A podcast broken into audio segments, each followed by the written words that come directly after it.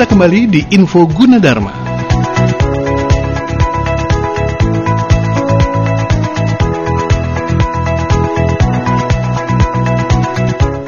Kembali lagi di Info Yuji ya. Pagi hari ini tetap mengudara di Station Mega Suara Network dari Bogor, Serang, Sukabumi, Kuningan, Indramayu, Kulon Progo dan Kota Perak Yogyakarta serta Yuji Radio ya. Dan nggak ketinggalan juga di Info Yuji ini disiarkan langsung oleh Yuji TV dan MGS TV Sukabumi. Ya ini sesi terakhir di Info Yuji.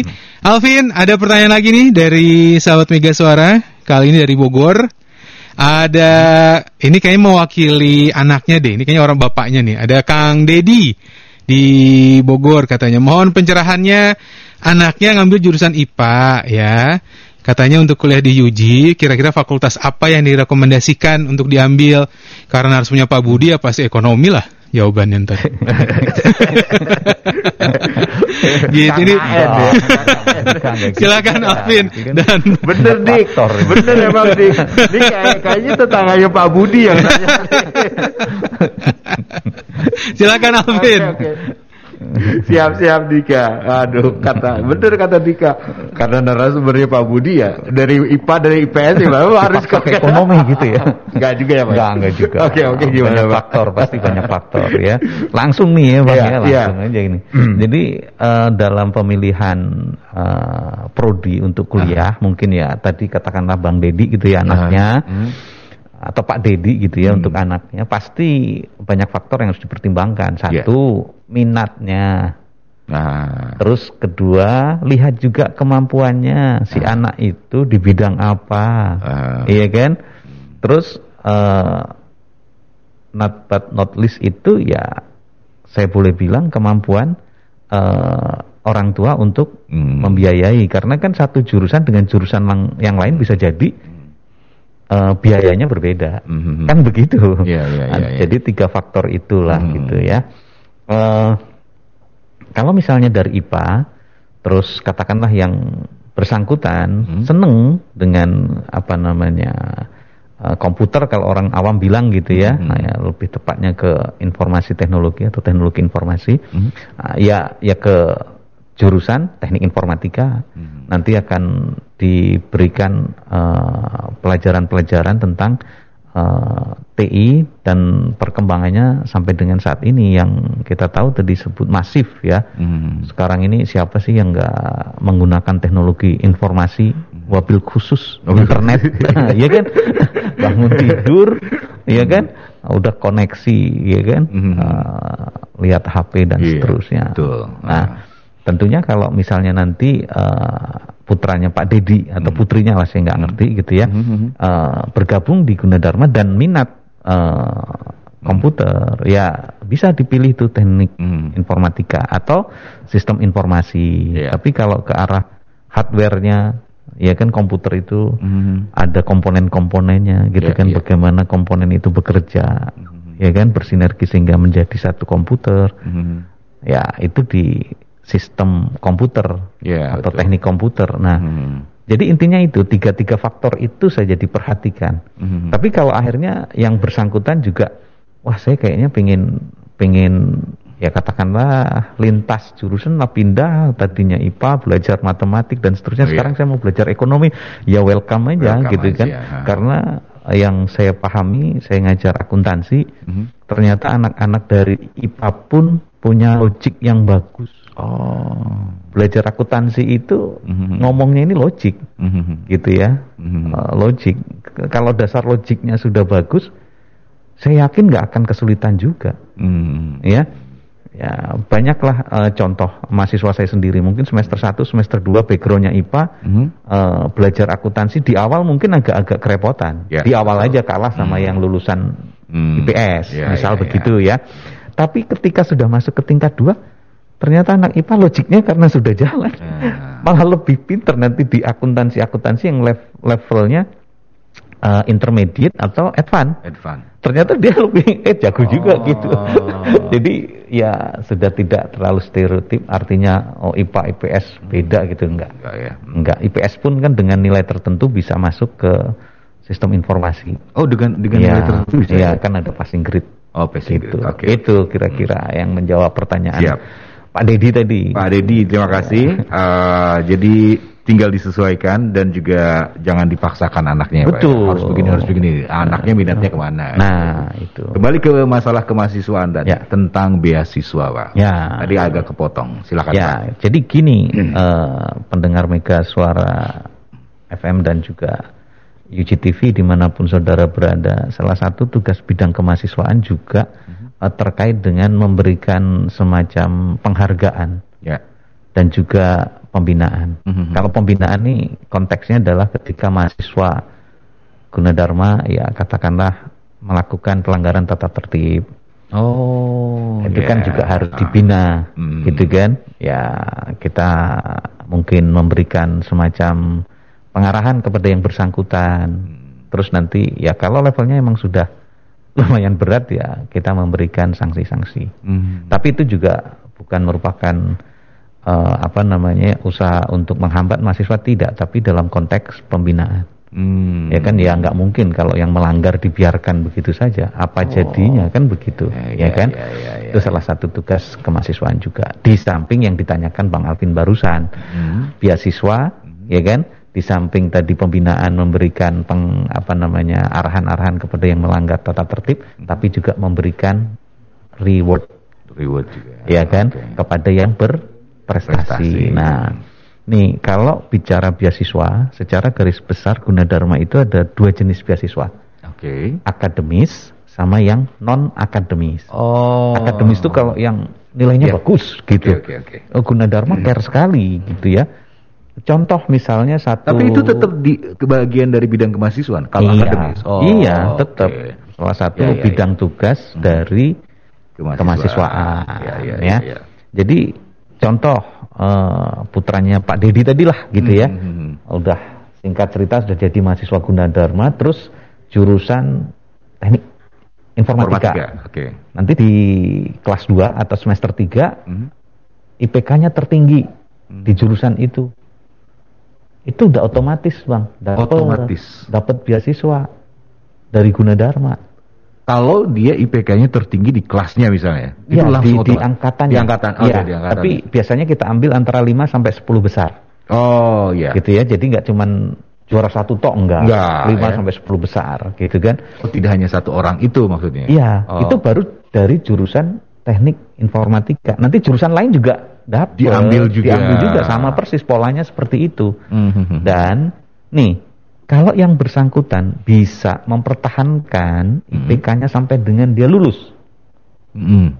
ya dapat terus yang bersangkutan. Oh, jadi fluktuatif ya, Pak? Iya, Oh, jadi 5 kalau atau dia- 10 besar itu yang Oh. kepilih di tiap semesternya bisa aja orangnya itu-itu terus. Karena dia bisa apa namanya menjaga Mempertahankan, ah, ya. mempertahankan IPK-nya di level atas terus, tapi bisa kesodok sama orang lain. Karena mungkin yang lain juga pengen dong. Nah, itu Oh. itu akademis yang dari kampus ya, Hmm. tuh eh, dapat seperti itu. Otomatis yang bersangkutan nggak perlu apply, melamar nggak perlu. Kita punya Otomatis. database. Hmm. Iya kan, setiap ini dilihat gitu kan, setiap semester, setiap tahun dilihat. Oh ini yang terbaik, ini kita panggil kasih. Oh. Kurang iya. apa coba gitu kan, Iya, tinggal iya. ya sudah mahasiswa atau calon mahasiswa belajar aja yang baik gitu kan, yang benar dapat nilai bagus gitu kan. Nanti kampus juga akan memberikan penghargaan kan gitu. Itu yang akademis Ya. dari Gunadarma. Dari luar banyak. Oh. Dari luar juga ada. Saya saat ini juga mengelola beasiswa dari ya salah satu perusahaan lah. Mhm. Saya nggak perlu sebut gitu ya. Eh, diberikan kepada mahasiswa yang berprestasi eh, di bidang teknik. Ada sekitar Hmm. karena Covid agak nurun 15 sebelumnya 35 Wow. 25 mahasiswa. Nanti diseleksi yang teknik. Teknik di sini bisa berbagai bidang. Teknik sipil, teknik komputer, teknik arsitektur, teknik industri, pokoknya yang keteknikan, teknik elektro, teknik mesin gitu ya. Nah, itu nanti eh, kami seleksi bidang kemahasiswa siswa per bulan dalam jumlah sekian. Dan itu transfernya direct. Artinya tidak melalui Oh, daerah ke mahasiswa. ke mahasiswanya. Kan mahasiswa setor nomor rekening Aha. gitu. Hmm. Diaman.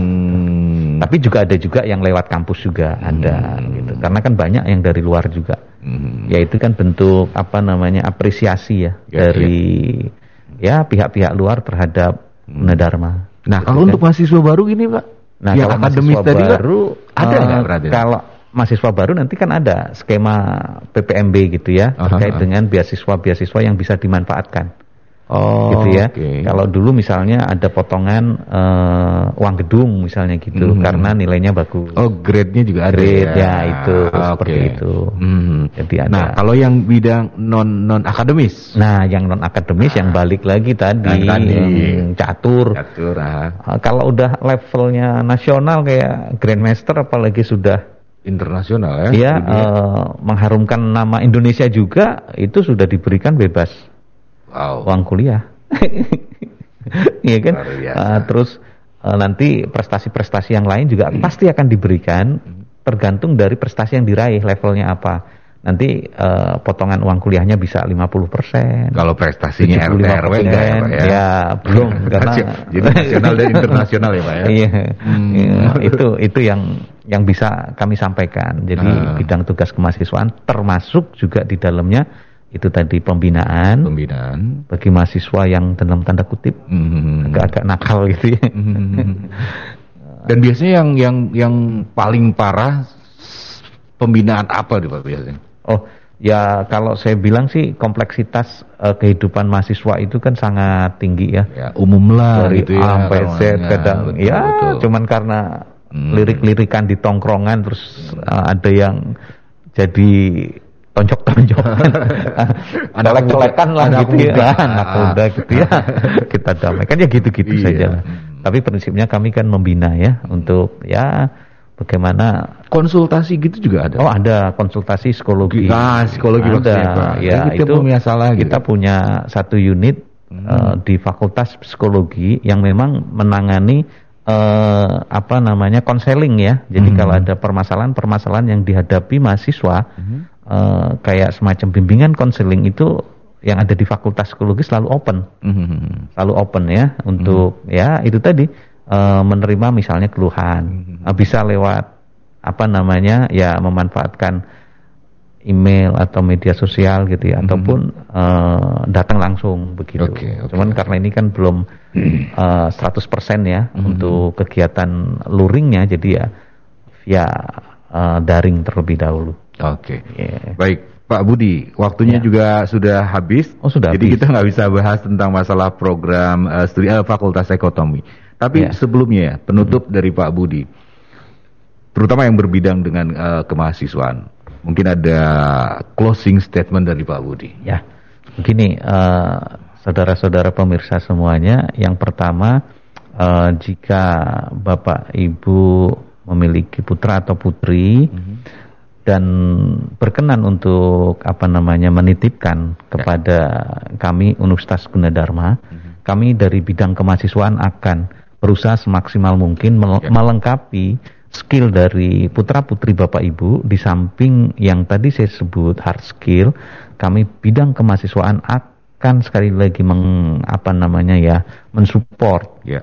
untuk perkembangan kemampuan atau Hmm. skill dari putra putri bapak sehingga kelak kalau misalnya yang bersangkutan lulus dari Gunadarma Hmm. sudah bisa bersaing di dunia kerja Di dunia kerja. seperti itu kira-kira Bang Ilham Oke, oke, siap, baik. Terima kasih Pak Budi. Sama-sama Salam buat mahasiswa-mahasiswa terutama yang jago-jago lah, yang jago badminton, jago catur. Iya. Terima Ya, kasih Pak ya. Budi ya. sama-sama Baik, demikian tadi uh, bincang-bincang santai kita dengan uh, narasumber kita di kesempatan hari ini, Wakil Dekan 3 Fakultas Ekonomi ada Dr. Budi Prianto SEMM dan beliau juga ternyata menangani masalah bidang kemahasiswaan. Halo Dika. Ya, Alvin. Menarik sekali. Oke. Jadi saya akan konsultasi ke Pak Budi. Kira-kira saya akan masuk fakultas apa nanti di Gunadarma ya? Ekonomi, ekonomi. Jangan Pak Budi ekonomi Iya, ya. iya, kalau iya. Bang Dika udah di broadcast ya Ah. cocoknya komunikasi Oh, bukan ekonomi Pak. kan ada juga Oh, iya. Rencana mau masuk ke dokteran Pak Budi sebetulnya saya. Wah, pengen kedokteran ya, Pak. kalau kedokteran Masuk doang. agak mau- Oke, Dika, makasih Siap. ya. Terima kasih Alvin. Terima kasih Pak Budi juga dari Gunadarma ya. Terima kasih juga buat saat Mega Suara yang ada di Bogor, Serang, Sukabumi, Kuningan, Indramayu, Kulon Progo dan Kota Perak Yogyakarta serta UG Radio dan juga ada info UG ini disiarkan secara langsung di UG TV dan MGS TV Sukabumi. Insya Allah kita ketemu lagi di hari Sabtu jam 9 pagi ya. Saya Mardika Adi, sehat-sehat semuanya. Selamat pagi. Wassalamualaikum warahmatullahi wabarakatuh. Baru saja kita simak info Gunadarma yang disiarkan langsung oleh Mega Suara Bogor, Mega Suara Serang, Mega Suara Sukabumi, Mega Suara Indramayu, Mega Suara Kuningan, Mega Suara Kulon Progo, dan Kota Perak, Yogyakarta. Dengarkan terus info Gunadarma di Mega Suara Network setiap hari Rabu dan Sabtu jam 9 pagi.